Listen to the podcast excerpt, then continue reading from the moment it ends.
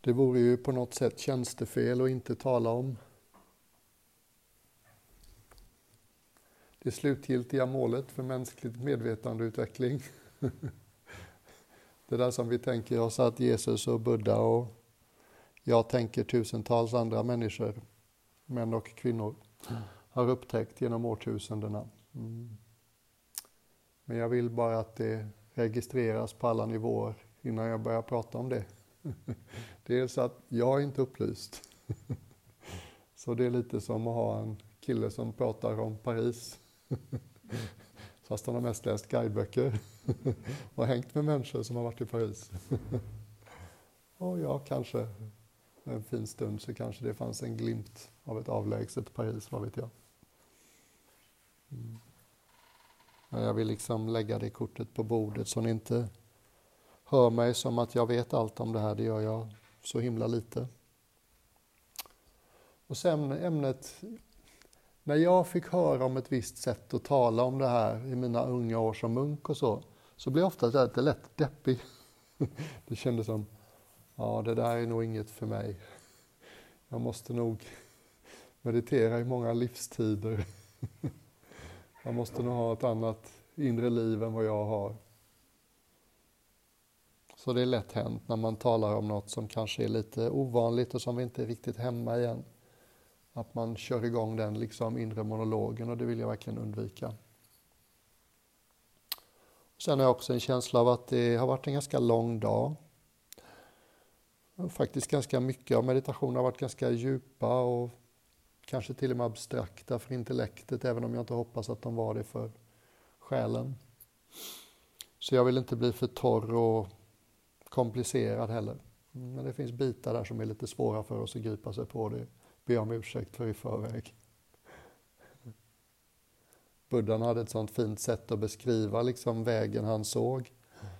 Och ibland så liksom, vi sjöng ju varje morgon och varje kväll i klostret och på, innan kvälls och morgonmeditationen. Och en av de här stroferna vi sjöng som finns i skrifterna igen och igen och igen, som Buddhan måste ha sagt rätt regelbundet, det var liksom att vägen till uppvaknande är vacker i början, vacker i mitten och vacker i slutet. Mm.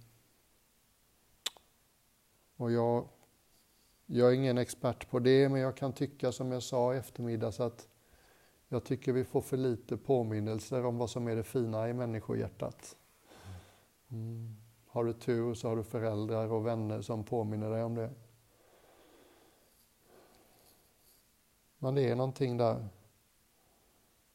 Ja visst, uppvaknande och frälsning är bortom ego, men så länge de flesta av oss lever med ego så är det bra mycket skönare att hänga med lite lediga, sköna egon som inte är alldeles självupptagna morgon till kväll som har plats att gå utanför sin komfortzon ibland.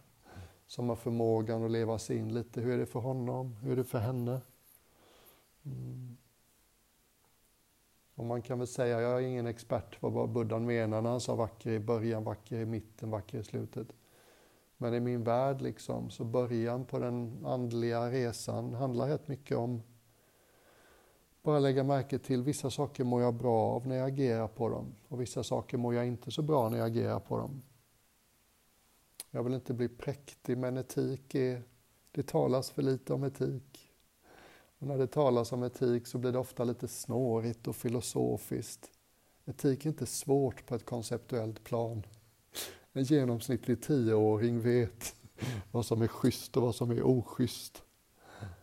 Men så har vi fått den här överdimensionerade hjärnan som kan rationalisera alla våra sluga små moves och få oss en kort stund att tro att det var okej. Okay. Jag hade en alldeles för klok kompis när jag bodde i Indien och jobbade för FN. Och det här, jag får ju nästan stänga av bandspelaren nu men jag gör inte det. Jag var otrogen med två av mina kollegors fruar. Det var ett sånt år. Och jag sitter liksom på taket i mitt lilla hus i Indien och min kompis säger men du vet Björn, du gör det ju inte mot dem och talar om männen då. Du gör det ju för dig. Ja, så kan man ju hålla på liksom. Men någon del av mig vet ju bara att det här är inte okej. Okay. Ja. Och det är också så vi lär oss. Vi gör misstag och så lär vi oss. Många år senare när jag liksom skulle bli munk och i en bok om kärlek och förlåtelse som en av lärarna i traditionen jag hörde till hade skrivit så sa han att det är rätt bra Jaha, jag trodde det var någon där. Det är rätt bra innan ni blir munkar och nunnor, ni kommer liksom att lämna lite i ert gamla liv och se er om i livet. Är det något ni ångrar? Är det några förlåt som behöver sägas? Och då var det ju de som satt på tvären liksom. Jag hade gjort två män illa och brustit i förtroende. Mm. Så sånt där sitter.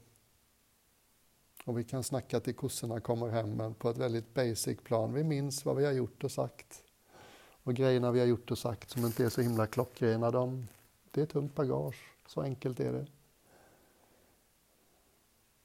När jag gick i tvåan i gymnasiet så flyttade mamma och pappa och mina tre bröder till Stockholm från Göteborg på grund av pappas jobb och jag hade typ vissa perioder i gymnasiet hade jag fem extra jobb samtidigt för att få ihop det ekonomiskt. Jobbade bland annat i hamnen i Göteborg och en lördag skulle vi liksom tömma en container som ingen hade hämtat. Någon öppnar liksom sigillet och öppnar dörrarna. Någon tar en mattkniv och börjar sprätta upp kartongerna för att se vad det är i. Och då är det bilstereos som den är full av och det här är typ 80-81. En del av er är för unga för att minnas den här tiden men 80-81 så var bilstereos väldigt hett eftertraktade objekt. Och jag vet inte om kvinnor gör det här på samma sätt men jag vet att män har en förmåga i grupp att nästan ingenting sägs. Men alla vet precis vad som händer härnäst. och, liksom, och alla måste ju vara med. Och i arbetslaget så var det den här skavande känslan. Den där rödhåriga gymnasisten verkar inte liksom vara ombord. så de skickade fram stuveriarbetarbasen till mig. och varför ska inte du ha några bilsteg då? Och jag sa liksom, nej det är ställ, jag gör inte ställ. Det hände något när jag var 12 år gammal, jag bestämde att jag ska aldrig stjäla igen. Så jag var väldigt så klar med det. Det är stöld, jag gör inte stöld. Då tittade han på mig och sa, det, det är inte stöld, det är egendomsutjämning. det är så Ja, just det. Just det. Den delen av oss kan vi inte gå till om vi hittar en etisk kompass. Liksom. En genomsnittligt begåvad person kan liksom argumentera och rationalisera och hitta bevekelsegrunder för vad man vill egentligen. Men någon annan del av oss vet ganska väl.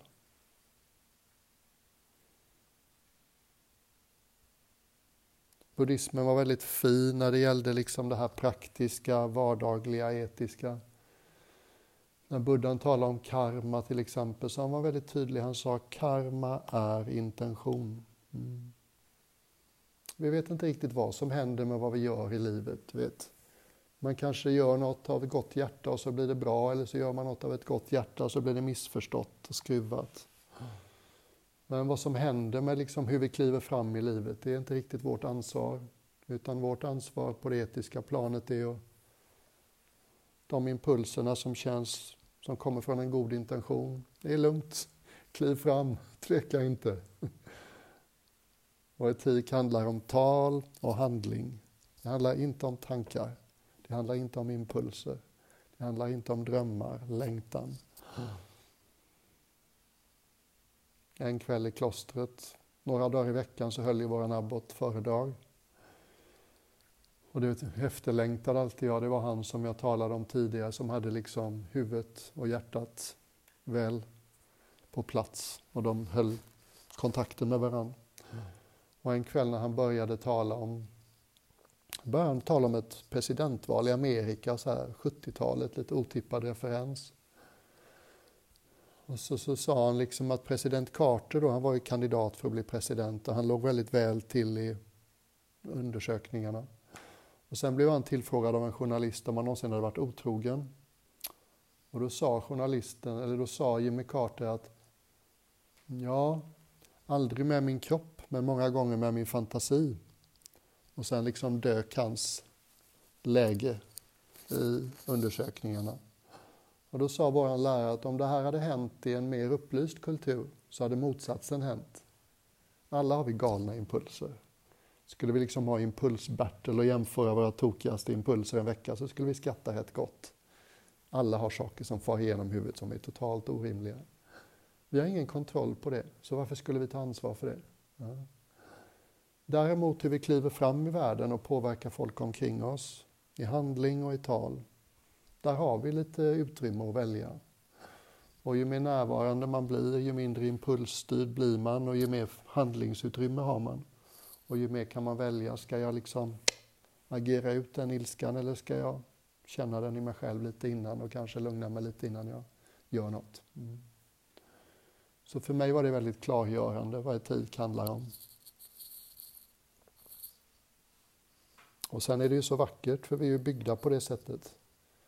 Som oavsett var det landar, vi mår bra av att agera osjälviskt, schysst, snällt, uppriktigt, tålmodigt, förlåtande, öppensinnat, tolerant, medkännande. Alla de här kvaliteterna som de flesta av oss känner instinktivt, att det där är det som är fint i oss. Mm.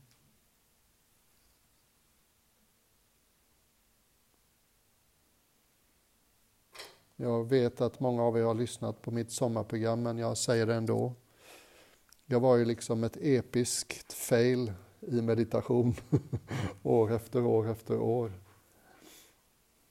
Det var ju så illa så jag kunde liksom sitta och meditera i början i klostret i Thailand. Längst bak i rummet för jag var senast anländ. Och så helt plötsligt så slår det till i pannan. Jag tänker, va? Slog någon mig i pannan när jag sitter här med benen i kors på golvet och mediterar? Och när jag öppnar ögonen så är huvudet här. Och jag har liksom somnat och ramlat framlänges med benen i kors. Pannan i kaklet.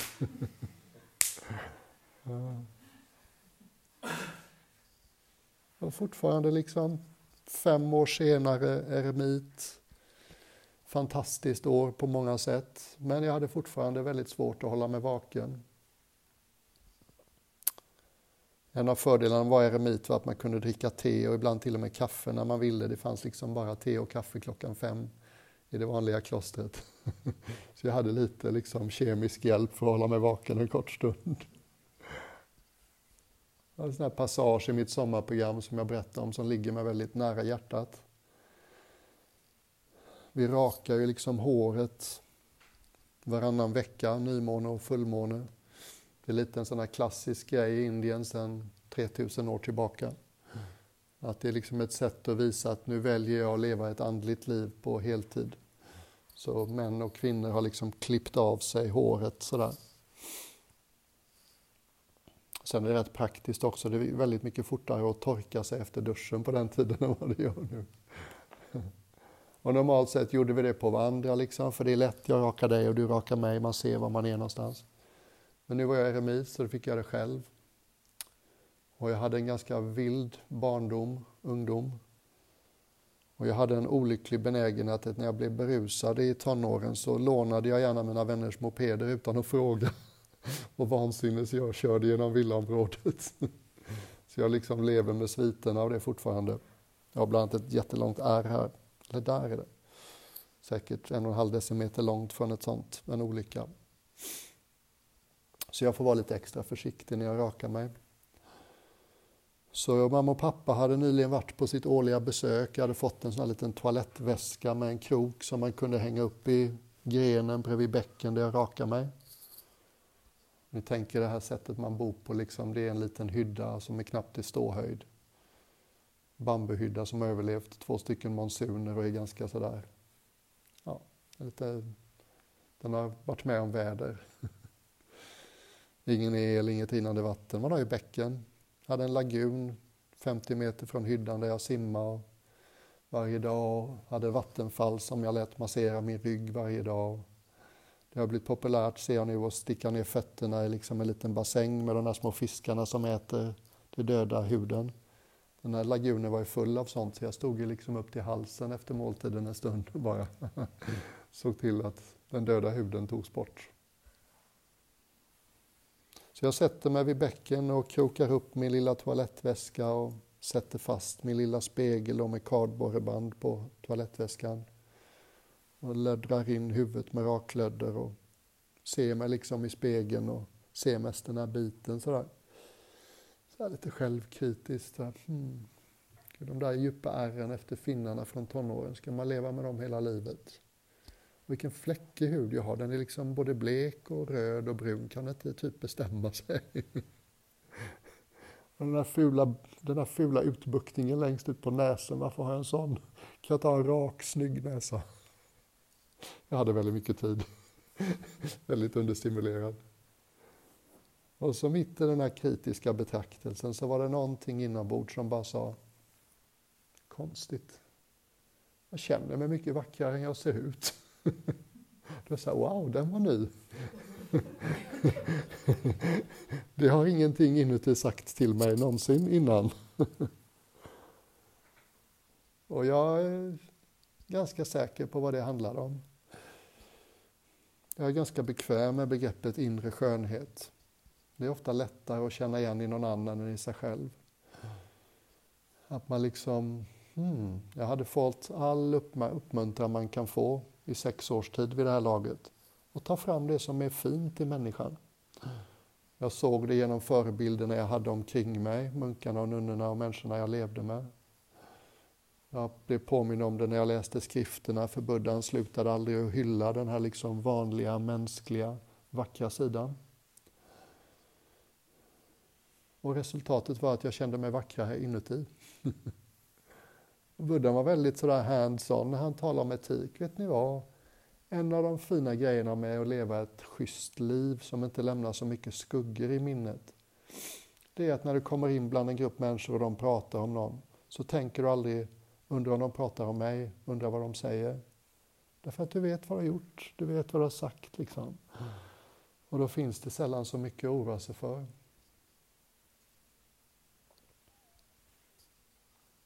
Så jag tycker det begreppet kan få finnas med kring etik och ja, ta fram de vackra kvaliteterna i människan. Inre skönhet, det är resultatet. Och det behöver inte betyda att någon är ett helgon eller sådär, men vi kan ofta se det i människorna vi har nära i livet när, liksom, när de gör något klockrent sådär. Det känns så tydligt, det här, är inte, det här är inte vad som är kvämt för dem, utan de bara utan reservationer ger sin tid och intelligens och energi till någon annan. Föräldrar gör det ju hela tiden. Sen har vi då liksom vacker i mitten. Ja, jag vet ju inte, men jag tänker mig meditation. Meditation för oss, liksom. meditation som inte har lett till något varaktigt uppvaknande än. Det har ändå sitt värde.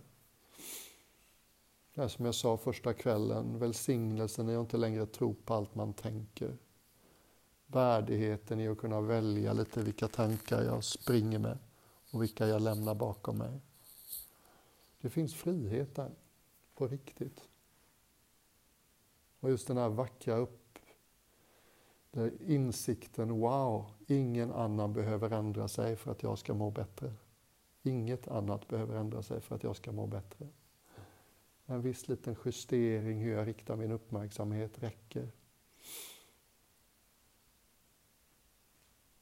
Och sen är det väl forskat och bevisat att vi människor mår bra av fokus.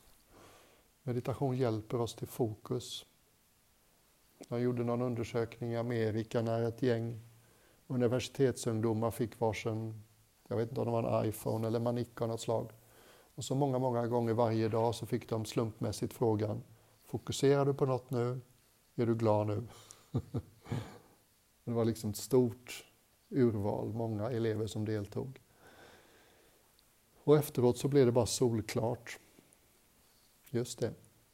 Det hänger väldigt nära ihop. När de här människorna upplevde att de fokuserar på något så var de påfallande oftare, mycket, mycket oftare lyckliga.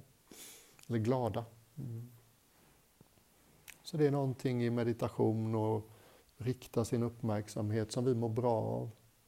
Du vet när du förlorar dig i något projekt som engagerar dig. Det är härligt, tiden bara går liksom. Mm.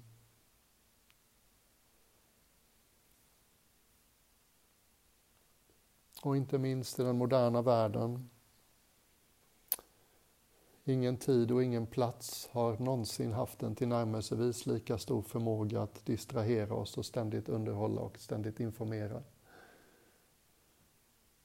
Och det är inget fel med det, det är mycket fint med det digitala.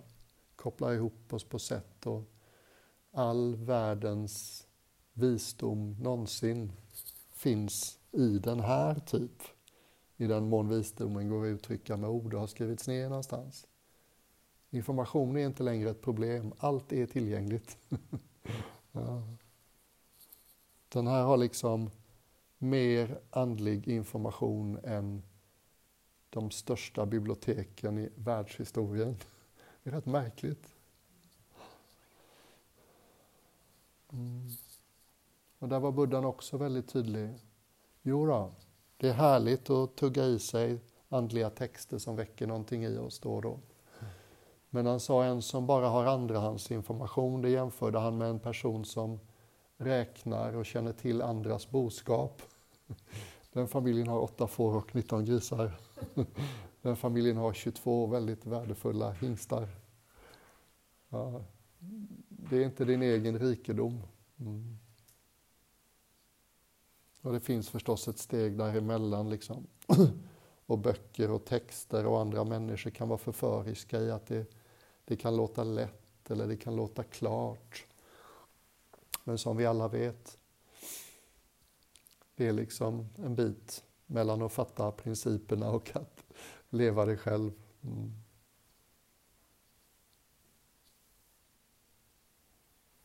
Och meditation, när det görs rätt, det leder till ett lite mer fridfullt och stilla inre.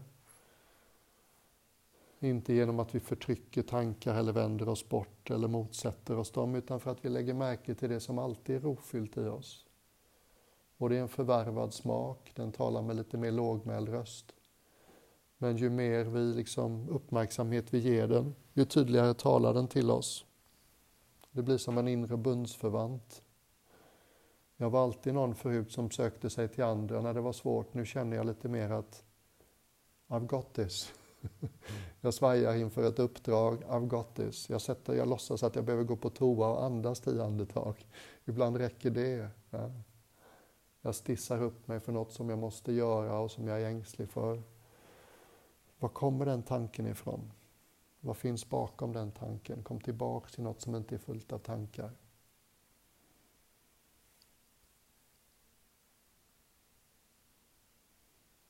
Och att vi mer och mer kan lita på vår intuitiva intelligens, att vi inte behöver liksom förbereda oss för varje dag och planera igenom allt så noga.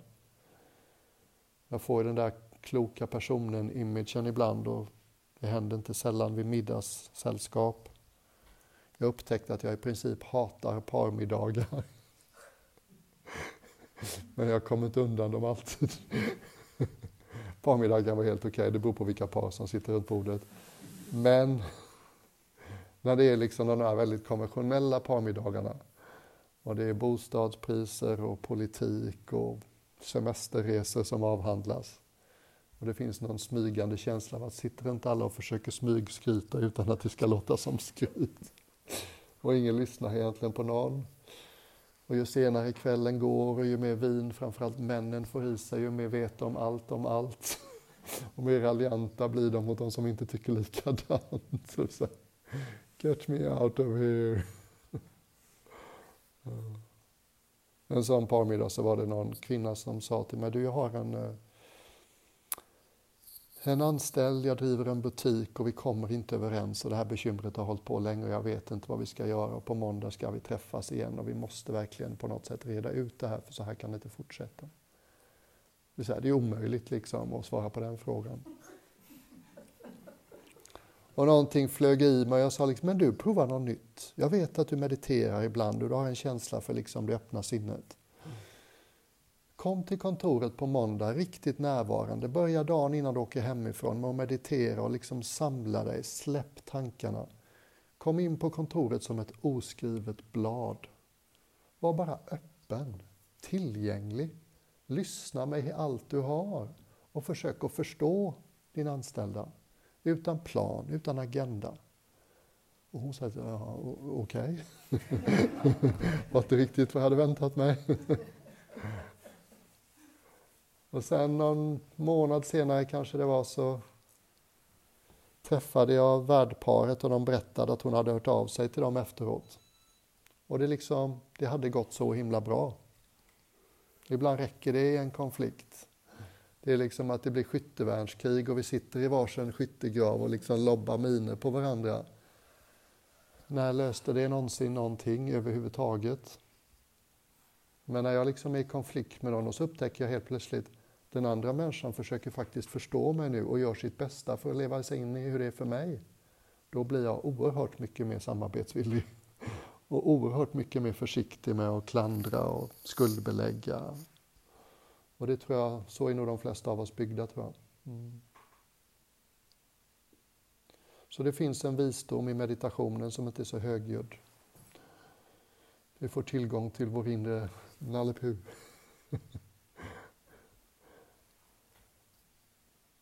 Och det finns också något, det finns ett mod från meditation. Jag tror inte jag är ensam om ibland ha en röst som viskar liksom det här är för mycket, det här orkar jag inte känna. Stark ilska eller sorg eller rädsla till exempel. Men jag har ju liksom fått all uppmuntran och metoder och så för att försöka att vänja mig vid att vara i mina känslor och inte vända mig bort från dem. Och jag har ju sagt det flera gånger idag att det är någonting med att våga möta sina känslor mera med kroppen, med hjärtat, inte liksom låta dem ta dig upp till huvudet och skapa historia och drama och rättvisetänk. Mm. Och varje gång vi lyckas med det så upplever jag att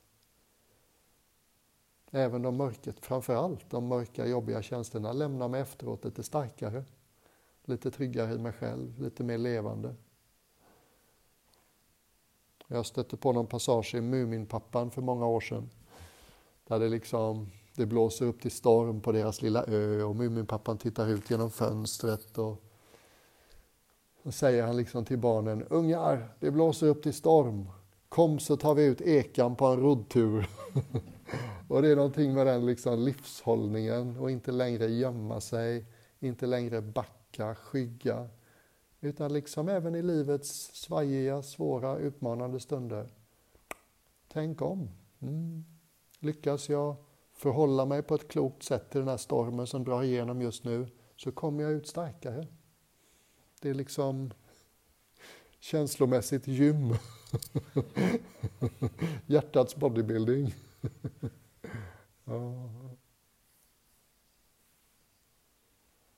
ja, och sen kommer vi liksom till vägen som är vacker i början, etik, mitten, meditation. Vägen är vacker i slutet, insikt, visdom. De finaste frukterna av det andliga livet. Mm. Och det är så lustigt för att det är så många som har hittat hela vägen. Och en hel del av dem försöker dela med sig, men vilken dålig success rate de har liksom. Det är intressant. Som Buddha, hans första reflektion. Enligt legenderna så satte han sig under en, ett båträ, bodhiträd i Gaya i delstaten Bihar i Indien under fullmånen i maj. Han hade försökt att bli upplyst i sex år genom att plåga själen och kroppen så mycket det någonsin gick. Det var ju lite så man gjorde i Indien på den tiden och insåg att det här funkar inte. Varför ska man straffa den stackars kroppen? Det är ju inte vägen till någonting bra alls. Och så började han att behandla kroppen schysst och såg till att den fick mat och vila och medicin på det sättet som behövdes och satte sig en natt under fullmånen under det här trädet. Och enligt, det är liksom en vacker bild, jag vet ju inte hur sanden är, det var väl ingen annan som var med där än han. Men enligt legenderna så la han liksom en hand på marken när han hade satt sig till rätta under trädet. Jag tar jorden till mitt vittne. Jag har en rätt att sitta här. Mitt uppsåt är gott. Jag tänker inte resa mig förrän förvirringens slöjor har skingrats. Och innan solen gick upp så hade de det. Och han började natten med samma sak som vi har gjort så mycket här. följa andetaget, släppa taget om tankar. Och efter sitt uppvaknande så det första han tänkte det var och jag skulle så gärna vilja dela med mig, men det här är så subtilt, ingen kommer fatta. Sen ganska sådär vaket, klokt. Ingen, jag kommer inte kunna dela det här, det här är för subtilt. Så jag lever ut det här levnadsspannet liksom och njuter av att jag inte längre har något inre mörker. Av att inget tynger mig, liksom, av att jag är helt närvarande och inte går i konflikt med någonting. Och så enligt legenderna så var det något himmelskt väsen som viskade i hans öra att Buddha, det finns de med bara lite damm i ögonen för deras skull. Gör ett försök, dela med dig av vad du har upptäckt. Så det gjorde han.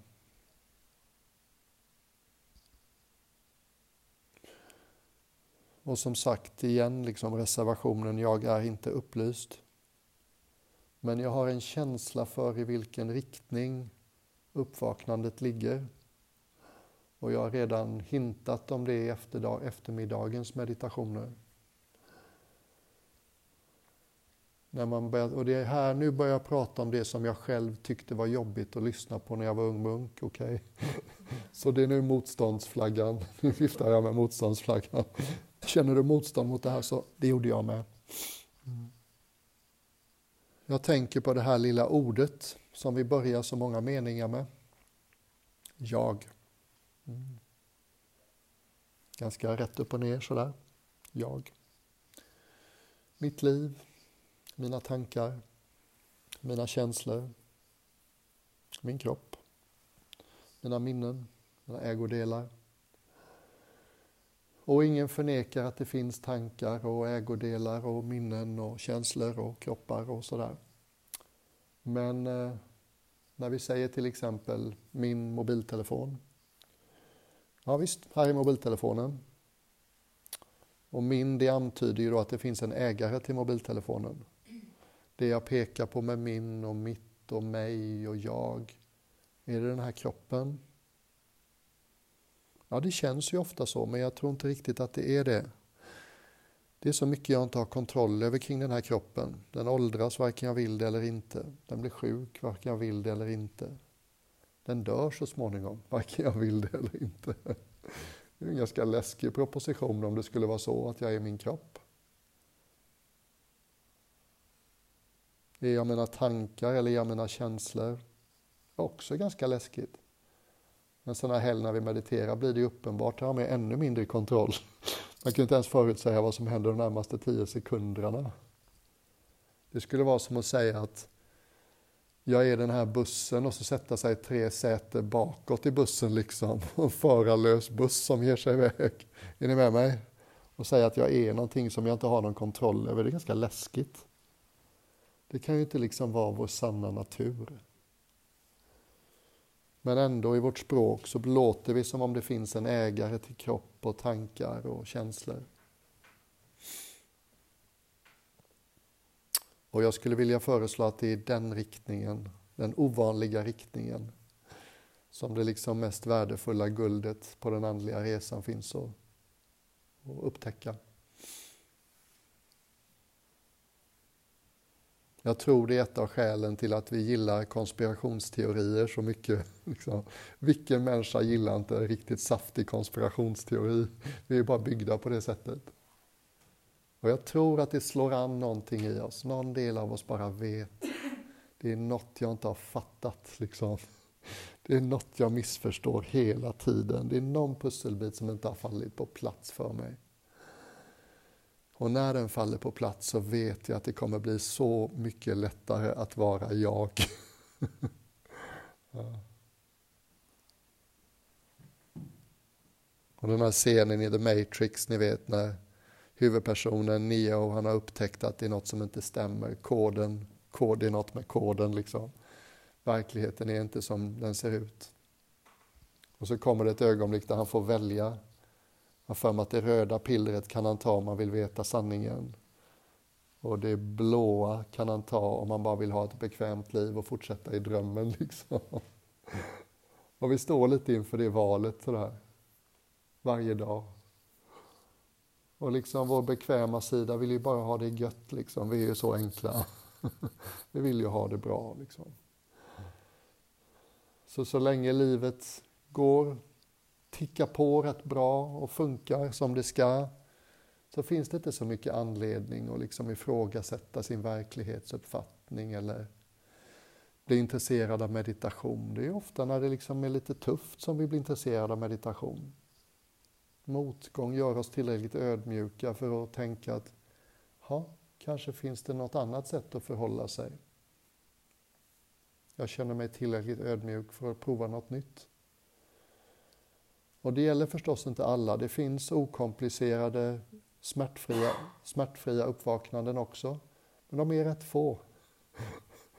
För det mesta är vi rätt mycket byggda som så att det är bara när det liksom går snett som jag är beredd att ifrågasätta mina sätt att se på världen och mig själv och röra mig genom livet.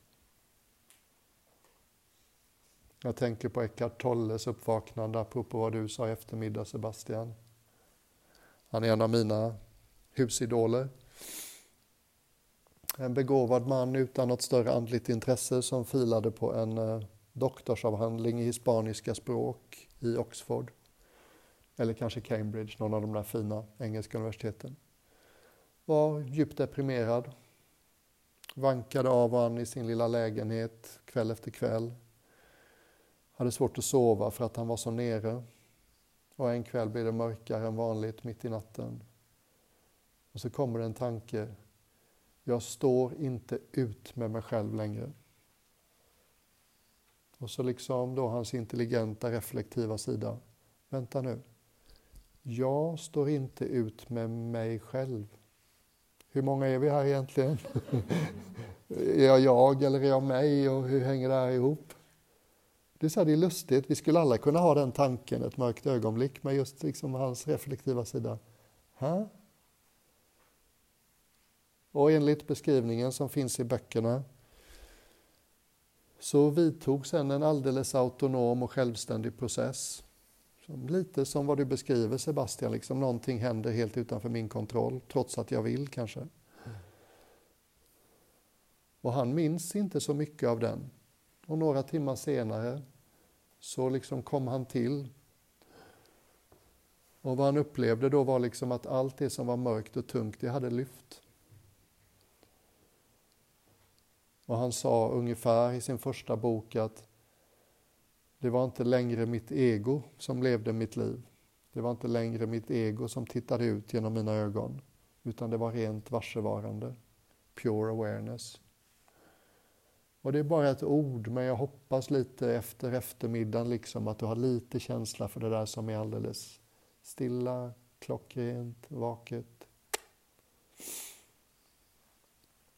Och det var ju så kul för han hade ju ingen aning om vad upplysning Han kom till ett av våra kloster utanför London och liksom, alltså jag har varit på bibliotek och läst böcker och så försökt att fatta, någonting har hänt och det är helt underbart men jag har ingen aning om vad som har hänt. och våran eh, franska nunna Adjan Sundara, underbar kvinna, gammal balettdansös från Paris. Hon satt och bara skrattade med honom och så sa han, vet du vad?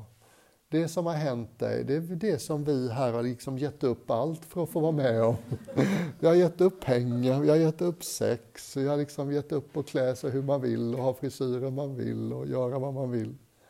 Och dig bara liksom händer det. Ja. Jag gillar att det är så. Jag gillar att det är så.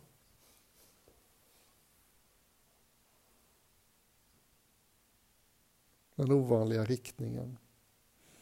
Det finns en eh, det fanns en underbar engelsman som hette Douglas Harding som hade ett andligt intresse. Han var soldat i engelska armén. Han vandrade runt med sin lilla grupp soldater i Himalaya någonstans, sent 40-tal. Och han levde liksom med den här frågan som är väldigt vanlig bland människor som är intresserade av uppvaknande. Vad är jag? Ibland, vem är jag? Och inte låta intellektet formulera ett svar utan hela tiden vända uppmärksamheten tillbaks. Och helt plötsligt så hände något. Han gick där i Himalaya. Han var arkitekt så småningom så han var en väldigt visuell person. Och sättet som han beskriver det på det var att helt plötsligt så ramlade mitt huvud av. och där jag tidigare hade haft liksom en stor tung köttklump med två små ögonhålor som jag tittade ut över världen genom. Det var inte kvar. Vad som istället var kvar var ett stort öppet visuellt fält där allting var välkommet. Och från den subjektiva positionen, när jag tittar på dig så ser jag två små ögon i ett stort huvud. Men i den subjektiva positionen här, jag upplever ju inte två små ögon som tittar ut i sina köttgluggar. Liksom. Jag upplever ju ett öppet visuellt fält. Det finns plats för allt här. Jag har inga synpunkter på någon del av det. Liksom. Det är okomplicerat. Ett helt icke-intellektuellt uppvaknande. Såklart hette hans första bok On having no head. Såklart hette hans andra bok Heading off stress. Mot livets slut så blev han ganska skröplig.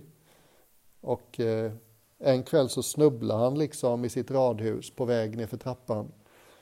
Och så landade han vid ytterdörren och slog sig ganska illa så han bröt något i höften.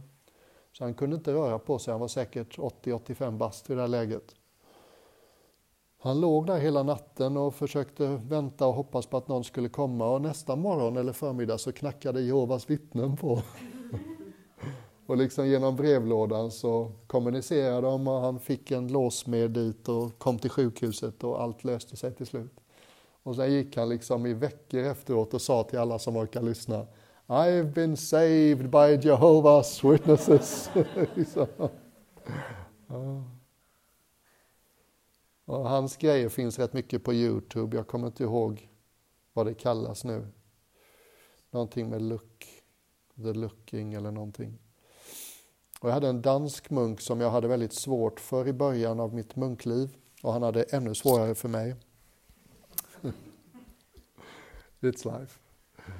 Och som det kan bli när man liksom så småningom hittar rätt. Han valde att åka till England efter vårt novisår tillsammans i Thailand och jag valde att stanna i Thailand. Men många år senare så möttes vi igen i Europa och hängde i samma kloster periodvis. Och blev väldigt fina vänner. Väldigt kär vän. Och någon dag efter testunden så hoppade han liksom upp på köksbordet i köket och sa Kom Nattiko ska jag visa dig något. Så var lite ovanligt, vi brukar inte hoppa upp på köksbordet i klostret. Det gör vi. Han var lite mer sådär anarkopunk-munk än vad jag var. Det var hans historia. Och så sa han, gör som jag nu, jag ska visa något jag har lärt mig. Ja visst, sa jag. Och vi satt liksom vid sidan om varandra och tittade mot ungefär en vägg och ett fönster som jag gör här. Ja, följ med nu. Och så liksom gjorde jag samma som han. Liksom. Tak, fönster, kudde, parkettgolv, ben, shorts, tröja.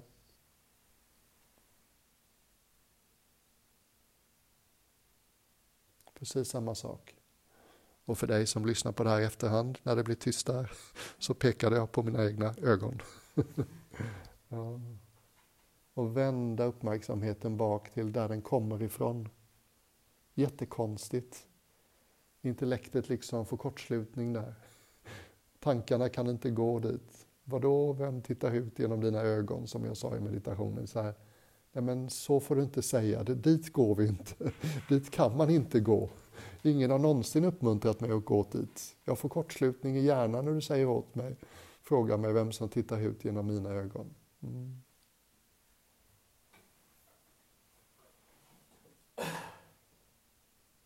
Så där finns något. Jag tänker på Jesus utan att veta så mycket om kristendom så tycker jag jag har fått en bättre förståelse för kristendomen genom min buddhistiska bana. Jag tänker på bilden av Jesus på korset. Kanske den mest majestätiska bilden av mänsklig förtvivlan och ensamhet jag kan tänka mig. Han liksom gav allt han hade för att dela vad han tyckte han hade upptäckt. Och så slutar det med att han behandlas som en vanlig brottsling. Han blir förrådd av en person. Han överges av de flesta av de som hade följt honom. De flesta av dem var inte där i hans mörkaste stund. Det är typ hans mamma och hans, ja, Maria Magdalena och jag är inte så kunnig på det men ett fåtal var ju där men inte många. Och inte nog med det, sen har vi den fysiska smärtan, det är inte svårt att leva sig in i. Hur känns det att ha liksom spikar genom armar och ben? Och inte nog med det. Dessutom, liksom enligt bibelversionen av det här, så känner han då att till och med Gud har övergivit honom. Detta, min Gud, min Gud, varför har du övergivit mig? står det i Bibeln. Och då är han liksom där, knutna handen, tror på sina egna tankar, förlamad av förtvivlan liksom. Och i det lilla har tappat kontakten med det stora. Och sen är det någonting i honom som släpper taget. Och det vi vet enligt skrifterna, det nästa han säger är någonting i stil med Ske din vilja, inte min. Han blir tillgänglig för det stora igen för han har släppt det lilla. Mm. Och för de flesta av oss ska det bli rätt mörkt innan vi släpper det lilla. För det är så vi har jobbat hela livet. Och det är inte ditt eller mitt fel. Det är ett oskyldigt misstag människor har gjort. Tänk dig att födas som människa. Tänk dig att du kommer från någonting som är oproblematiskt, väl tempererat, inga hårda kanter någonstans. Näringstillförseln sker automatiskt. Du har inte några tankar än så att ditt inre liv är väldigt sådär okomplicerat, rent medvetande. Och sen en dag så händer något. Du börjar röra på sig. Du kläms ut genom en smal och trång passage. Och i vissa fall tar det där rätt lång tid.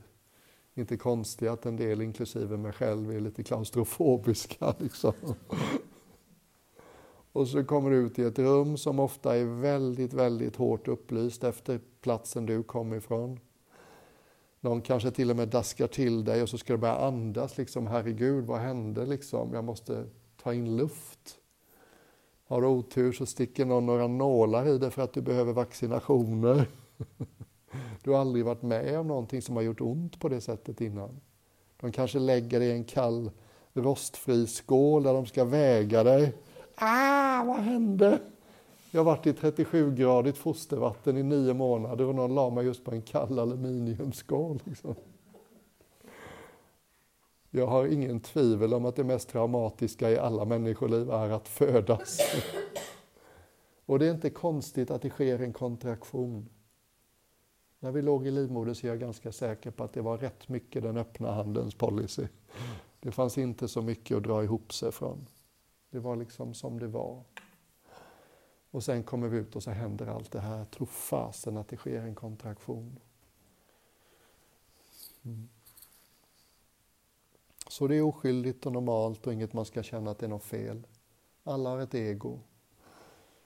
Eckart Tolle och Jesus och Buddha och Douglas Harding, de har också ett ego. Men det är ett funktionellt ego. De vet att när någon säger Eckart, det är då de ska vända sig om, inte när någon säger Gösta. De vet att när det är dags att äta så är det den här munnen jag ska stoppa maten i. Det är ett funktionellt ego. Det finns en fantastisk intervju med Eckart Tolle som jag, om jag kommer ihåg det, gärna delar med er när jag skickar pdf-en efteråt. Eh, det är den 11 september 2001 på Manhattan. Ni fattar vilken dag det är.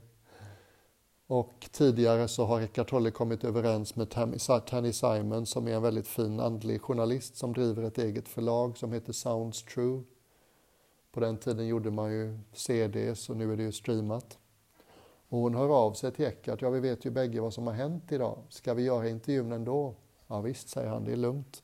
Så på något sätt, de sitter någonstans på Manhattan och gör den här intervjun samma dag efter att World Twin Towers har rasat. Och då liksom mot slutet av intervjun så börjar liksom Tammy pressa honom. Men hur är det att vara upplyst liksom? Kan du ge mig en känsla för det? Det låter så abstrakt. Till exempel, hur ser ditt tankeliv ut idag? Och då säger han, ja, jag noterar att sen uppvaknandet så har ungefär 80 procent av mina tankar fallit bort. Det är intressant. Hur skulle det vara för dig och mig? Om de där ganska automatiska jukebox på replay-tankarna som vi alla lever med från morgon till kväll, om de föll bort och du inte behövde fylla det med något annat, om du bara kunde vila i något vaket, öppet, ledigt, tillgängligt, närvarande. Wow! Och sen finns det ju då kanske den enda historien jag känner till när någon hade ett uppvaknande utan att det var jobbigt innan. Så jag måste ju ta den liksom. Har ni fler så mejla mig gärna. Vi behöver fler historier av icke-jobbiga uppvaknande. Det var den här, eh, en österrikisk violinist, läkare, yogalärare. Så jag tror han var ganska sådär ren själ. Satt på en tågstation i Frankrike en somrig eftermiddag det var rätt långt kvar till tåget skulle gå. Jag gissar att han redan hade börjat göra yoga och fått ett visst intresse liksom för det som inte är fullt av tankar i oss människor. Han satt där och väntade och slappnade av och släppte tankarna. Liksom bara... Tiden stannade upp. Allting fick, återfick sin skönhet upplevelsen av separation mellan honom och vad han hade omkring sig föll bort. Mm. Och jag vet inte om det var varaktigt liksom, eller det var en första öppning. Ofta sker det lite i några olika steg. Eckart Tolle är ovanlig, för det gjorde inte det. Och många år senare när han undervisade så fick han frågan Berätta lite, hur känns det att vara upplyst? och så många av dem som var rätt kortfattad för att det är svårt att förmedla men han sa att ja, det är svårt att tala om det.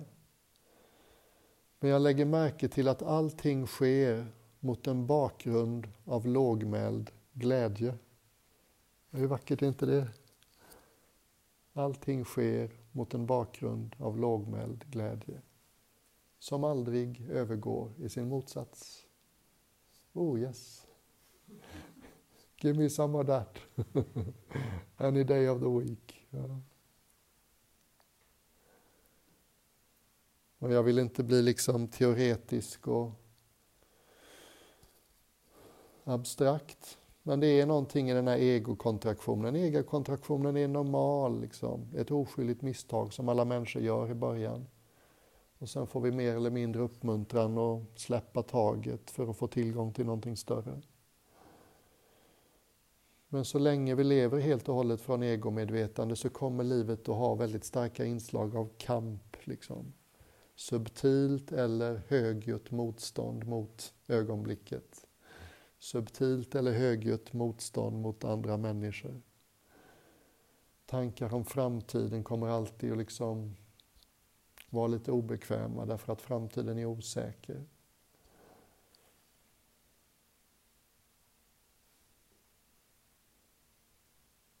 Så den här gesten känns liksom meningsfull. Det finns en thailändsk munk som jag tyckte så mycket om som var i skogstraditionen som jag hörde till, den var nästan anti-intellektuell, anti-akademisk. Det var väldigt mycket läs inte för mycket, meditera själv så kommer du själv upptäcka saker och ting. Och det fanns en munk, Lung på Dun, som var både påläst och mediterande munk. Och många ansåg han var upplyst en parentes bara apropå det här med upplyst. Jag liksom tycker väl att jag har träffat en hel del människor som jag upplever har liksom en trovärdig känsla av upplysthet kring sig på ett eller annat vis. Och så försökte jag liksom formulera för mig själv, vad delar de? Vad är, vad är det som de har gemensamt? Och min slutsats var väldigt konstig. Jag kom fram till att det enda jag kan säga att det känns som de alla har, det är som att när jag möter dem så känns det som de precis klev ur duschen. Det är någon sån här liksom fräsch, ren, jag kommer liksom utan bagage eller sådär till ögonblicket. Jag är här, ren, fräsch. Och han var sån också. Och thailändska kungen och drottningen de följde honom. Så de åkte då och då till honom för att liksom hänga med en munk och ställa de där stora frågorna och bli påmind om vad som är viktigt i livet. Och någon gång så knäppte thailändska kungen tusenkronorsfrågan och sa Lung Dun, blir, blir du någonsin arg? Det kan ju liksom finnas en sån idé att när man är upplyst så ska man inte ha sådana känslor. Och Lung Dun var tyst en stund, sen sa han på thailändska, det låter så fint, Mi damai ao. Och på svenska blir det lite mer långrandigt, ungefär Ilska uppstår, men ingen tar den i besittning.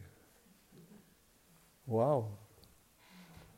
Tänk att leva så fullödigt i varsevarandet, liksom, ha ett så öppet medvetande.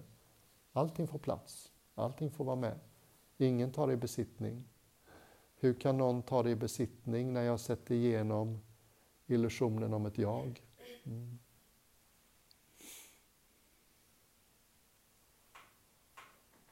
Och om du tycker att allt det här låter lite sterilt, så är det mitt fel.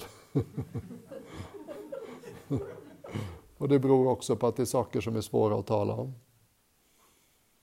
Men det finns en eh, visdomslärare i Indien som hette Nisargadatta.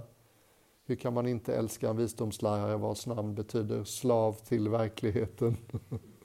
Nisarga är liksom naturen, verkligheten. Och Datta är slav eller tjänare. Verklighetens tjänare. Han var en sån där guru som han blev aldrig stor bland indierna. Han var alldeles för stökig och punkig för att bli stor bland indierna. Han eh, hade ett litet cigarettimperium, eller ja, en liten cigarettförsäljningsverksamhet. I Indien har de de här cigaretterna som bara är ett tobaksblad som man rullar ihop och knyter en sytråd runt. Man kan känna igen de människorna som röker sådana cigaretter för att de massa glöd faller från dem så folk har alltid hål i skjortorna de som röker dem. Och du vet, som bara händer i Indien, han mötte en guru. Och han frågar liksom gurun, vad ska jag göra för att uppleva samma verklighet som du? Nej, jag tror inte ens han frågar. Gurun bara gav sig på honom och sa, du är den absoluta verkligheten. Okej? Okay? och han lite blygt och osäkert frågade, okej, okay, jag kan inte riktigt känna det själv.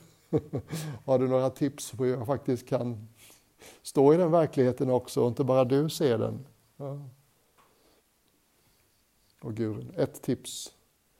Varje ledig stund under dagen när du inte behöver ägna dig åt något annat, vila i Jag är det. det, ja. Det är en sån där standardfras på indiska, eller indisk religion. Att liksom komma tillbaks till det i mig som är heligt, tidlöst, verkligt, varaktigt. Och så öppnar allting sig efter några år av det, tre, fyra år tror jag det var. Och precis som buddhan, hans första reaktion var Ingen kommer fatta, jag drar till Himalaya och chillar. Och precis som med Buddha var det någon som sa till honom på vägen, Hallå du, det där är rätt sällsynt i vårt tidevarv. Det är ditt förbannade ansvar att dela med dig. Okej. Okay. Tillbaks till Bombay. Ni kan ju tänka er själva att indierna inte riktigt satsar på en guru som röker som en borstbindare och är otålig och rastlös. Men västerlänningarna gillar honom. Det här är liksom 60-70-tal där många västerländska hippies tog sig över land till Asien. Många hamnade utanför Bombay på olika ashrams och yogaställen och hörde ryktet om den här upplyste mästaren i Bombays Red Light District. En sån här berömd amerikansk sökare, lärare, kom dit en dag, hade varit där rätt många dagar och Nisargadatta tittade på honom. Jag känner igen dig, hur många dagar har du varit här i rad nu? Ja, ska vi se, söndag, måndag, tisdag, onsdag, torsdag, fredag. Ja, det blir sjätte dagen idag. Nisse Gadatta säger, försvinn! Har du inte fattat vad jag säger efter fem dagar så kommer du aldrig fatta det. Jag vill aldrig se dig mer. Han var ingen sån liksom soft och mysig teddybjörnsguru. Men han sa så mycket underbart och med åren gick så tröttnade han liksom på att ens befatta sig med relativ konventionell verklighet utan var bara beredd att tala om absoluta verkligheten. Han blev rätt radikal. Men han kunde, hans mest berömda citat är någonting i stil med Visdomen säger mig att jag är allt. Kärlekens, nej förlåt, visdomen säger mig att jag är ingenting. Kärleken säger mig att jag är allt. Mellan de två flyter mitt liv. Allt som jag pratat om senare delen av kvällen kan låta lite abstrakt eller intellektuellt eller sterilt. Och göra den inåtvända rörelsen upptäcka, wow, här finns liksom ingen påtaglig handfast entitet. Jag kan inte hitta något som man kan kalla ägaren till känslorna och kroppen och tankarna. Och det kan låta lite läskigt, och det är det säkert på sätt och vis, som en del av er var med om idag. Men det är också underbart. För vad som kan hända när man liksom har kommit hem med den insikten helt och hållet är att jaha, och varför ska jag då fortsätta hålla upp garden mot världen omkring mig? Om det inte finns någon solid identitet jag kan kalla ett jag här. Då finns det ingen anledning att liksom skapa den här känslan av separation mellan mig och andra. Då blir det naturligt att bry sig lika mycket om andras välmående som mitt eget. Och det är typ det mest oromantiska men realistiska ordet jag har hittat för kärlek. Icke-separation. Det är liksom svårt att bli poetisk kring det, men alla som har varit med om det vet att det är sann kärlek. Naturlig känsla av, jag är en del av en helhet. Jag har en förbindelse med något som känns som en enhetsupplevelse. Jag bryr mig. Jag bryr mig inte på ett sätt som gör att jag är beredd att slita ut mig för allt och alla. Jag bryr mig på ett sätt som att allt som kommer in i min sfär, liksom, kan jag bidra så gör jag gärna det. Mm. Jag är inte skyldig att bidra. Det är inte min plikt att bidra. Jag försöker inte bli en bättre människa genom att bidra. Det är bara naturligt när vi inte längre upplever separation. Klart jag vill finnas till hands liksom. Mm. Men det kommer från en ren plats och då sliter det inte ut oss så mycket. Så kanske delvis den där sista biten var ett sätt att säga låter det stelt och kallt och sterilt så är det inte det. Det är fullt av liv. Tänk på de här människorna som liksom har verkat från det upplysta tillståndet. Jag vet inte om Gandhi var en sån, men jag tänker gärna att han var det. Han var rätt produktiv. Han fick rätt mycket gjort, trots att han var bara liksom en ensam man i enkla kläder och inga pengar. Titta på Buddha som levde i 45 år efter sitt uppvaknande och var tillgänglig för människor som ställde frågor. Tänk på Jesus, liksom. även om han inte fick så lång tid på sig som Buddha så ekar hans insikter liksom fortfarande 2000 år senare. Så det är inget passivt med det här. Mm. Ett liv agerat utifrån helheten, utifrån varsevarande är oerhört mycket mer effektivt än ett liv agerat utifrån ego. Och det är inget, jag vill inte att det ska låta långt borta och konstigt. Jag vill att ni ska känna att det där har vi alla i oss. Mm. Och vi har alla upplysta stunder. Alla har vi liksom stunder när vi agerar utifrån helheten. Och det känns väldigt lätt och vi slits inte så mycket då. Och sen liksom faller vi tillbaks i mönster som är lite mer egoorienterad och det är som det ska vara. Så är det att vara människa. Mm.